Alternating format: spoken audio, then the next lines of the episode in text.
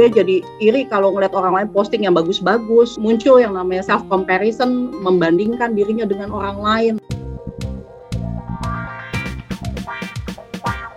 Disko, diskusi psikologi.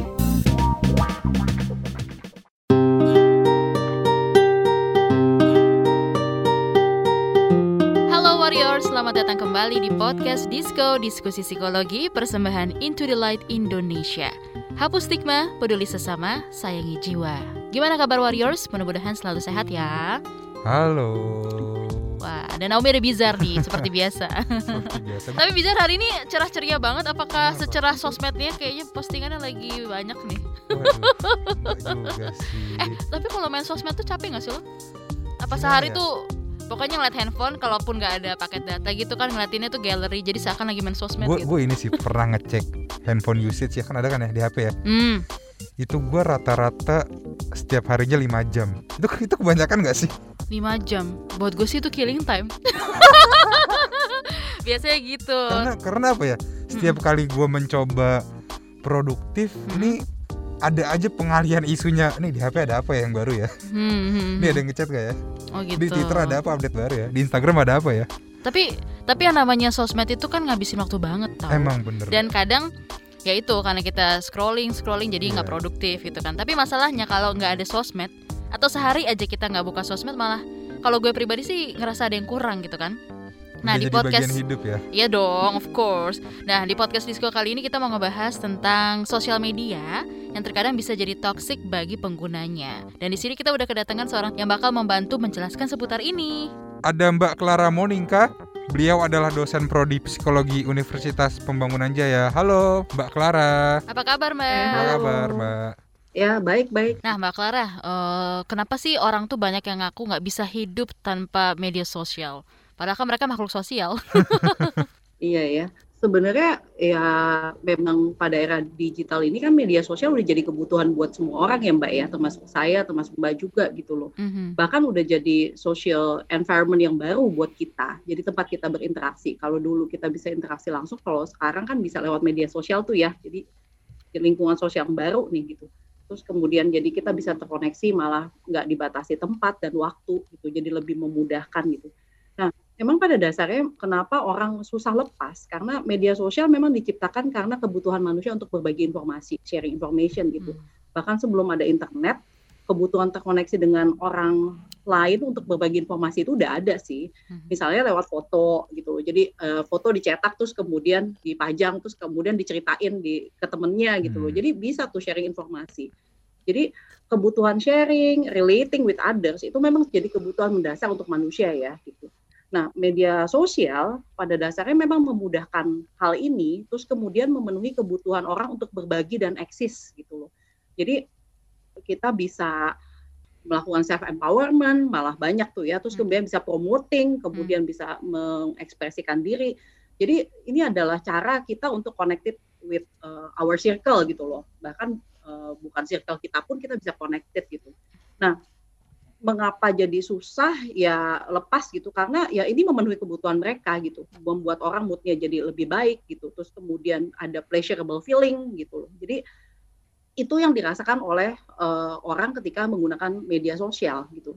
Nah kita jadi lupa kalau media sosial saat ini gitu ya malah lebih fokus pada eh, sisi komersil dan Hmm. kemudian eh, ya kan bener ya jadi Hmm. apa-apa ujung-ujungnya uang juga gitu. Terus kemudian konten yang dibuat kadang-kadang bukan real time, terus kemudian juga nggak membuat orang jadi terkoneksi sih gitu. Jadi kebanyakan iklan. Jadi tujuan platform tersebut udah beda gitu loh dengan esensi awal sosial media ada yaitu membangun koneksi sama orang lain gitu ya. Jadi eh, yang kita lupakan itu, tapi kita dapat pleasure feeling ketika kita pakai media sosial.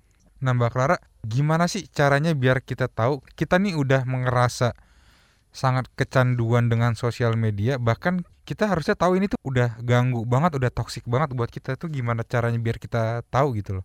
Ciri-cirinya gitu Mm-mm. seperti apa, Mbak? kalau misalnya kita udah merasa sosial media itu toxic ya biasanya adalah kalau kita nggak bisa lepas eh, dari sosial media gitu cemas deh kalau kalau nggak ngikutin gitu jadi ada fear of missing out gitu kan jadi Hmm. Kalau misalnya ketinggalan ya. kayaknya uh, oh, mesti lihat terus gitu loh, terus mesti update terus gitu ya, apa sih yang orang lain lihat, ada apa sih sekarang gitu, orang lain tuh ngapain aja sih gitu ya. Terus kemudian ada yang phone snubbing tuh ya, pubbing itu juga kan juga sama tuh, dia berkutat aja di handphonenya gitu. Terus e, dibandingkan dengan berinteraksi secara real, dia lebih senang berkutat di handphonenya atau menggunakan media sosial terus gitu.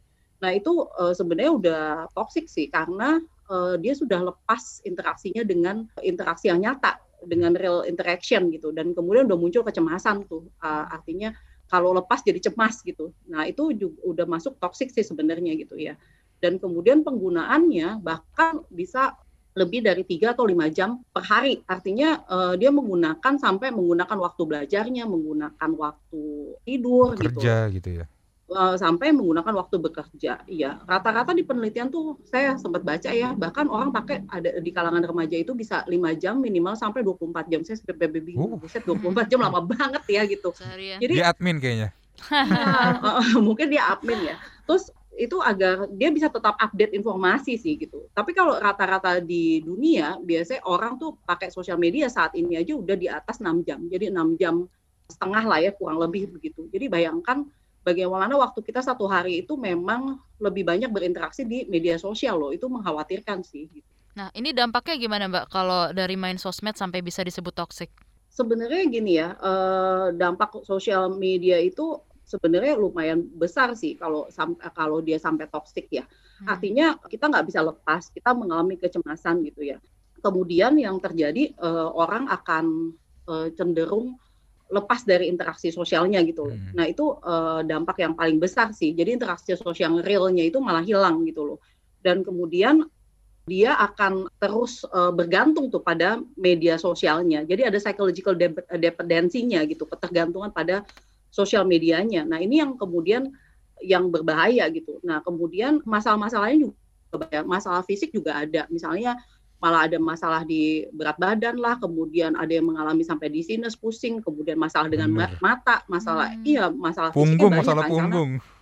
Iya, masalah punggung juga bener tuh. Saya aja ngajak online sampai sakit-sakit punggung, apalagi kalau apalagi kalau ngeliatin sosial hmm. media terus-terusan ya gitu. Jadi uh, masalah fisik ada, masalah mental atau psikologis juga muncul karena kecemasan, anxiety, rasa iri, ada Facebook uh, envy tuh ya. Artinya hmm dia jadi iri kalau ngeliat orang lain posting yang bagus-bagus gitu kan. Terus kemudian muncul yang namanya self comparison, membandingkan dirinya dengan orang lain. Nah, itu juga jadi masalah ya. Terus kemudian yes, iya malah sampai ada yang melakukan deception. Artinya uh, ngibulin orang nih ya, bohong gitu. Uh, dia menampilkan dirinya lagi ada di mana padahal latarnya hmm. bohong gitu. Terus kemudian hmm. dia posting ada di kafe mana padahal uh, apa ya mungkin ada tapi cuma apa sih misalnya nggak nggak berbelanja sampai segitunya. Tapi misalnya post aja nih lagi minum teh atau apa demi apa sih menaikkan boosting self esteemnya hmm. kayak gitu jadi sebenarnya itu jadi ya jadi instastory terus-terusan kayak penting banget gitu. Bahkan beli hmm. tanaman jutaan pun sekarang masuk instastory loh. Instastory sampai titik-titik gitu ya? Sampai banyak gitu ya. Nah uh, mbak Clara seperti yang kita obrolin tadi nih kecanduan sosmed ngerasa insecure mulai dari fisik. Ini kok orang ada yang badannya bagus. Feeling insecure dari harta juga. Kok orang bisa jalan-jalan mulu.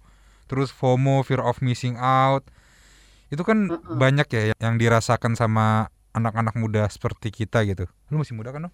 of course lah. Tapi tapi kenapa ya? Uh, banyak di antara kita yang nggak ngerasa kalau kita tuh udah udah kecanduan udah gitu ya. Kayak ya. ngerasa ya emang beginilah ya, adanya gitu kan. Life, gitu.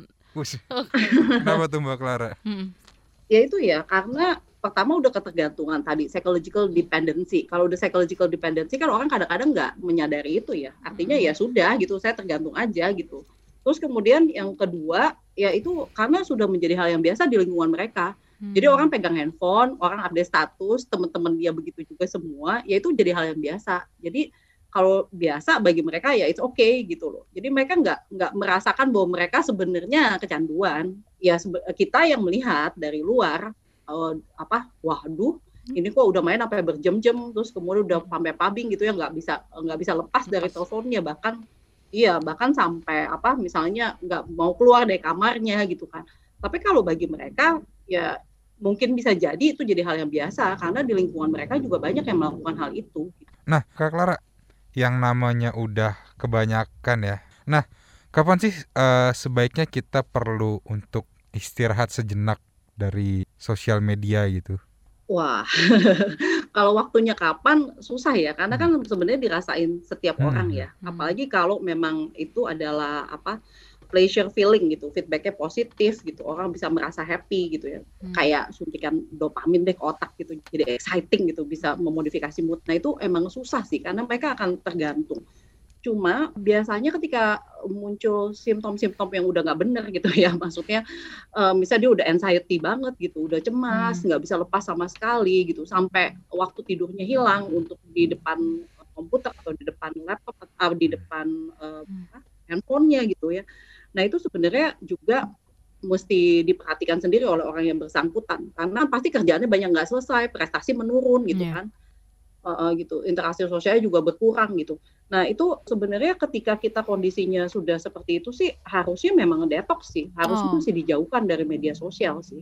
Hmm. Jadi ada penelitian nih ya melihat efek media sosial memang tidak ya dua-dua itu ya bagaikan pedang bermata dua. Satu memang menguntungkan, tapi di satu sisi saat ini memang jadi eh, ancaman juga gitu. Kayak misalnya contohnya di Jepang ada fenomena hikikomori. Tahu lah ya ini he- Hmm. heboh banget fenomenanya ya gitu. Artinya dia menarik diri, mengisolasi dirinya di kamar gitu. Dan tapi kemudian fenomena ini nggak cuma ada di Jepang nih, bahkan di Indonesia juga udah ada tuh gitu. Jadi ada orang yang di kamar sampai berjam-jam nggak mau keluar gitu ya. Jadi ya bener-bener kayak hikikomorinya Jepang gitu. Nah itu bahkan pemerintah Jepang gitu ya sampai bikin camp untuk detox media sosial. Karena mereka sudah khawatir sekali nih dengan keadaan remaja generasi muda yang kemudian attach banget sama eh, medsosnya, attach banget sama handphonenya gitu. Loh. Nah, eh, diikuti juga oleh negara-negara lain tuh kayak di Amerika juga udah udah ada, di Australia juga udah ada. Karena ternyata hebat banget nih ya fenomena ini gitu. Jadi malah membuat orang-orang muda tuh susah banget untuk Eh, lepas. Makanya perlu adanya detox tuh bagi mereka gitu. Jadi biasanya detoxnya itu ya mengajak mereka beraktivitas, Hmm. kemudian berinteraksi sosial real time, real life gitu ya Hmm. dengan orang yang real gitu. Terus dan tidak menggunakan media sosial. Nah, kalau kita sendiri sebenarnya kita bisa sih kalau udah ngelihat bahwa kita udah merasa worry dan sebagainya itu kan sebenarnya nggak enak ya. Iya. Kalau nggak bisa lepas dari medsos. Berarti sebenarnya kita bisa sih untuk nggak nggak apa untuk tidak mempergunakan medsos misalnya pas weekend hari Sabtu gitu loh. Jadi mulai isi dengan aktivitas-aktivitas yang lebih berguna sih. Misalnya aktivitas fisik, bermain sama eh, temen. Nah, pada saat corona ini emang agak susah ya pandemi. Hmm. Tapi kan bisa ya misalnya kita main sama keluarga gitu loh atau Mungkin ini salah ya satu cara entah- untuk ngeremnya gitu ya Iya. kak ya. Iya, ha- eh, harusnya sih Hmm. begitu ya, termasuk tidak mempergunakan handphone dulu untuk sementara gitu loh, ditutup dulu akunnya misalnya kayak gitu. Ya tapi itu balik lagi ke individu yang bersangkutan sih, Iya sih. mampukah dia untuk mengontrol dirinya sih sampai di mana mereka menyadari bahwa itu merugikan gitu loh. Atau Itu- mulai dari itu yang pelan-pelan dulu aja kayak jauhin HP saat mau tidur. Hmm, gitu. Kalau Ya, bisa gitu.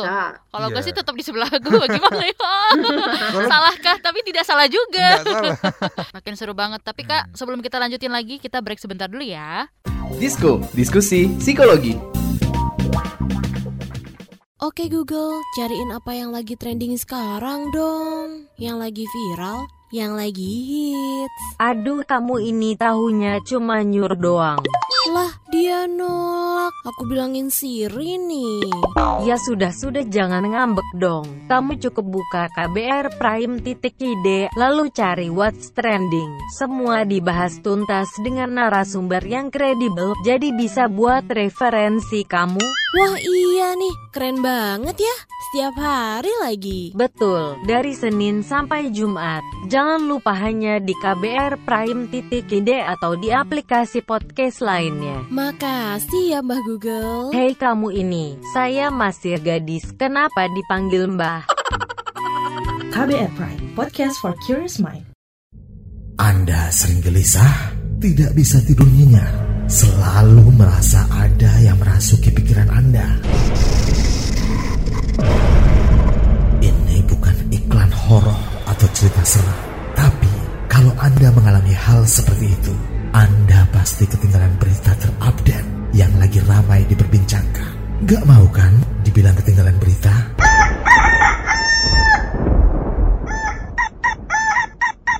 Makanya dengerin KBR Pagi, siaran pagi radio paling update, menghadirkan narasumber yang terpercaya dan kredibel. Banyak lagu-lagu dari zaman old sampai zaman now. Setiap hari Senin sampai dengan Jumat, mulai pukul 7 sampai 8 waktu Indonesia Barat. Bisa didengerin dari Aceh hingga Papua. Cukup satu jam saja untuk membuat kamu tetap update. Woi, ayam siapa nih? Berisik, saya mau dengerin kabar pagi. Disko, diskusi psikologi. Hai, kita balik lagi. Tadi sebelum break kita udah ngobrolin soal ketergantungan terhadap media sosial. Nah, di sini kita juga udah punya rekaman voice note dari seorang penutur kisah yang mau berbagi kisahnya, berbagi pengalamannya tentang kecanduan sosial media nih. Jadi ceritanya aku tuh sering banget insecure sama diri aku sendiri gara-gara setelah aku ngeliat postingan orang. Misalnya mereka tuh posting mereka punya badan yang bagus, terus mereka cantik, punya ini, punya itu. Nah itu tuh kayak ngebuat insecure. Sampai pernah aku tuh nggak pernah ngelihat sosial media karena aku tuh kayak stres ngelihat yang seperti itu. Yang paling toxic sebenarnya kalau aku ngeliat influencer gitu terus aku langsung belanja banyak banget sih itu sih paling toxic banget sih Wow, buat kamu warriors yang juga mau kisahnya diangkat, bisa kirim email ke podcast at kbrprime.id. Kita lanjut lagi Kak Clara ya. Uh, ada nggak kiatnya sendiri untuk ngerem ketergantungan sama sosial media? Karena kan ini bukan hal yang mudah juga ya buat sebagian Iya, iya. orang gitu loh. Apalagi yang udah menjadi kebutuhan sehari-hari. Bisa jadi. Ibaratnya kita disuruh berhenti makan deh gitu. Wah, jangan dong. Jangan dong gitu. Iya ya.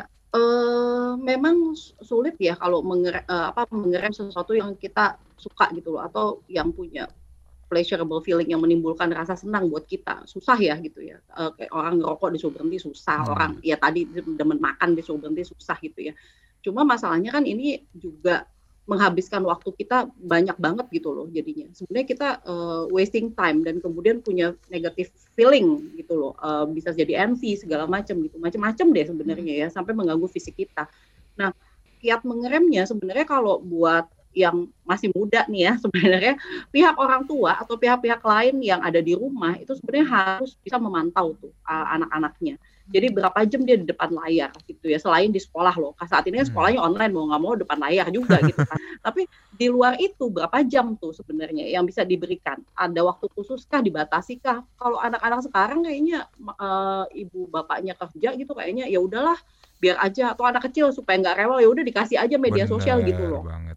Nah, Hmm. itu yang mengkhawatirkan kan ya. Eh, mereka mulai berkenalan dengan media sosial sejak masih dini gitu. Oke. Berkenalan dengan internet sejak kecil gitu. Jadi eh, internet dulu terus lanjut ke media sosial bahkan anak kecil punya akun Facebook coba bayangin saya bingung. Punya juga akun Instagram, punya jangan Iya, sedih iya, Kak. iya iya iya benar-benar punya akun Instagram juga. eh. Makanya sedangkan saya punya akun Facebook kayaknya pas udah tua gitu. Belum Tapi lagi yang beda- beda TikTok gitu. yang ganggu tuh. Eh tapi eh, tapi gini eh, Kak Clara, kalau orang nantinya bakal pakai sosmed secara masif gitu, artinya nggak apa-apa dong, nggak banyak interaksi real karena ketemu orang tuh juga apa namanya banyak kan di medsos gitu. Gimana menurut Kak Clara? Kalau misalnya ketemu di medsos ya kayak misalnya anak saya juga kan nggak bisa tuh ketemu temennya karena pandemi. Dia mereka berinteraksi tuh lewat Zoom, misalnya cerita atau ngumpul ketemu atau kita ketemu untuk reuni gitu ya di Zoom Iya. gitu kan ya. Ya it's okay karena kan sebenarnya tetap ada interaksi online tapi kan real nih real person gitu kan ya masih bisa gitu loh. Nah, kalau kayak gitu kan kita jadi terkoneksi tuh satu sama lain. Esensinya balik lagi kan bahwa media sosial bahkan bisa mempertemukan kita gitu loh dan mempermudah kita untuk berkomunikasi. Nah, yang kemudian jadi parah itu adalah ketika kita terpaku terus gitu loh, terus update status, terus mau di like, terus memperhatikan. Nah, itu kan kemudian yang kita jadinya tergantung Hmm. dengan media sosial itu. Nah, itu yang mesti bukan tidak boleh sih, tapi Mm-mm. jangan sampai kebablasan gitu loh. Oh, Jadi di luar batas Nah, gitu itu ya yang- Kak ya. Mm-mm. Iya, tetap perlu ada batasnya karena apa-apa yang namanya eksesif ya, namanya ketergantungan pasti tidak baik gitu loh. Hmm. Eh Mbak Clara, by the way ini sebenarnya kalau misalnya di media sosial itu toksiknya itu lebih ke platformnya, kontennya atau orang-orang yang ada di sosial medianya. Kalau media sosial sebenarnya kalau platform mah ya mau nggak mau ada karena kebutuhan ya. Hmm. Kita nggak bisa ngomong apa-apa Hmm. gitu kan. Gitu. Tapi kalau misalnya kontennya bisa jadi kan di uh, deception tuh belum tentu benar gitu loh. Hmm. Terus kemudian juga orang-orangnya juga belum tentu bertanggung jawab juga yang mempergunakan. Ya kita kita nggak bisa expect semua orang akan mempost yang baik yang positif kan. Iya bener.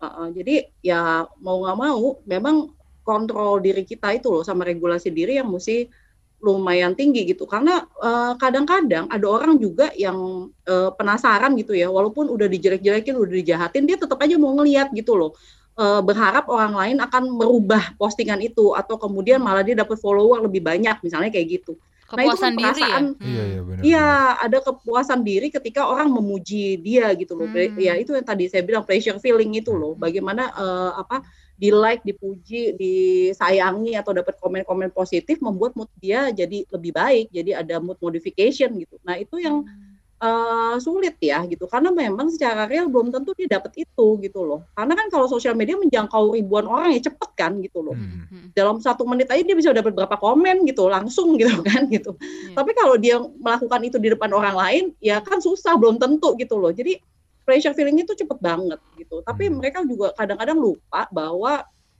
bukan cuma pleasure feeling yang didapat, bisa juga dapat cercaan gitu. Bener bener bener. Da- dapat ha- hatred gitu. Dan tapi kalau misalnya apa mereka dapat hate, sometimes juga dipergunakan karena juga banyak followernya, banyak komennya gitu. Hmm. Jadi eh, nah itu sih sebenarnya yang mesti dari kitanya sendiri sih bagaimana kita Hmm. melihat efeknya ke diri kita ya. Karena eh, saya nggak bisa bilang orang lain untuk stop karena mereka tak bilang nggak bisa gitu gitu kan. Tapi kalau udah efeknya jelek sebenarnya kita eh, mesti bisa mengontrol supaya kita bisa stop. Nah makanya eh, butuh tuh dukungan dari orang lain atau butuh dukungan dari orang yang bisa mensupervisi kita Hmm. untuk juga membantu kita melepaskan diri dari jeratan itu ya jeratan media sosial yang berlebihan gitu loh. Tapi Mbak, Iya. kapan sih perlu bantuan profesional kayak macam psikolog gitu untuk mengatasi eh, apa namanya Hmm. eh, kecanduan Iya, toksik eh, Mungkin dan udah, juga udah parah banget iya sampai medsos yang ini sampai udah mengganggu mendarah daging.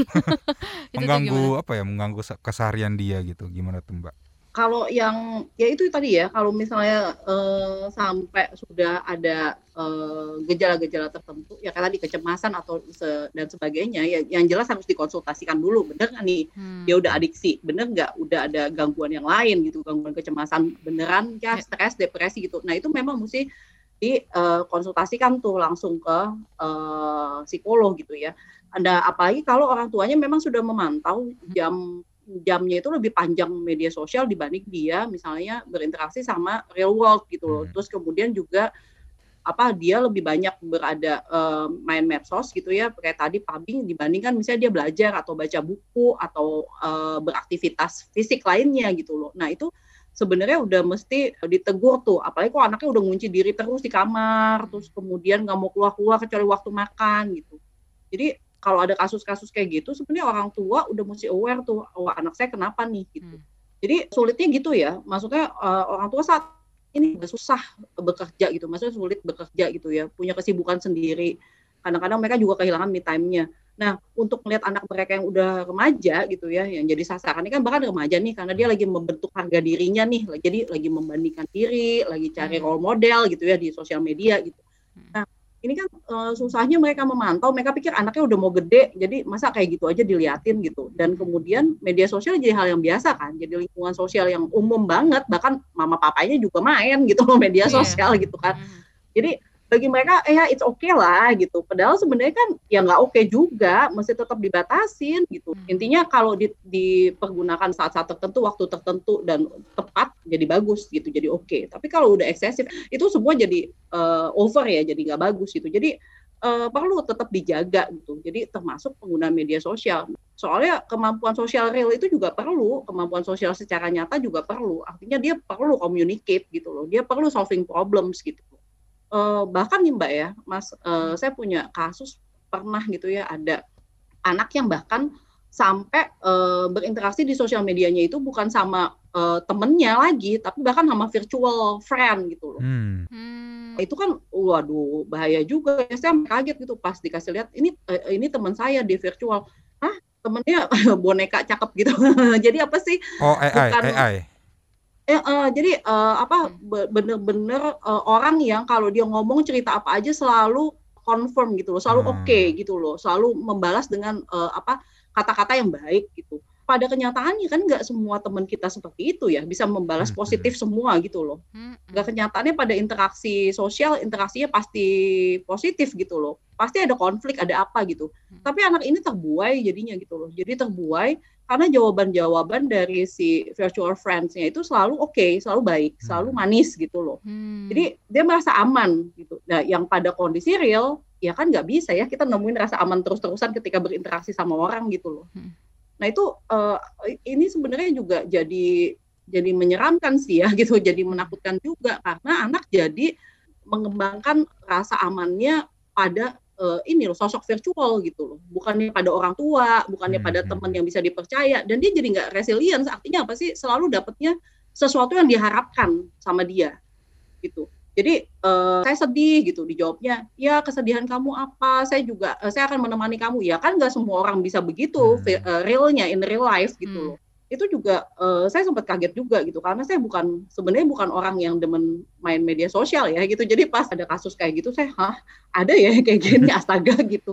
Kaget juga gitu. Tapi cara intervensinya gimana? Eh, sebagai orang tua, mungkin juga sebagai guru gitu tugasnya mereka masing-masing bagaimana tuh eh, Mbak Clara? nggak tahu kalau di tiap keluarga bagaimana ya. Kalau untuk diri saya sendiri, kalau saya sebagai orang tua nih, sebagai ibu yang anaknya juga baru gede ya, maksudnya beranjak remaja, saya biasanya memang membatasi dia sih. Jadi saya akan eh, ngomel tuh biasanya kalau misalnya dia eh, di depan layar terus-terusan tapi di luar seko- eh, jam sekolah. Saya akan eh, menanyakan sama yang bersangkutan ini sama anak saya eh, dia akses apa aja. Nah itu yang bisa saya ketahui. Jadi kita sharing sharing account gitu. Oh. Jadi saya tahu tuh dia bisa akses apa Hmm. gitu.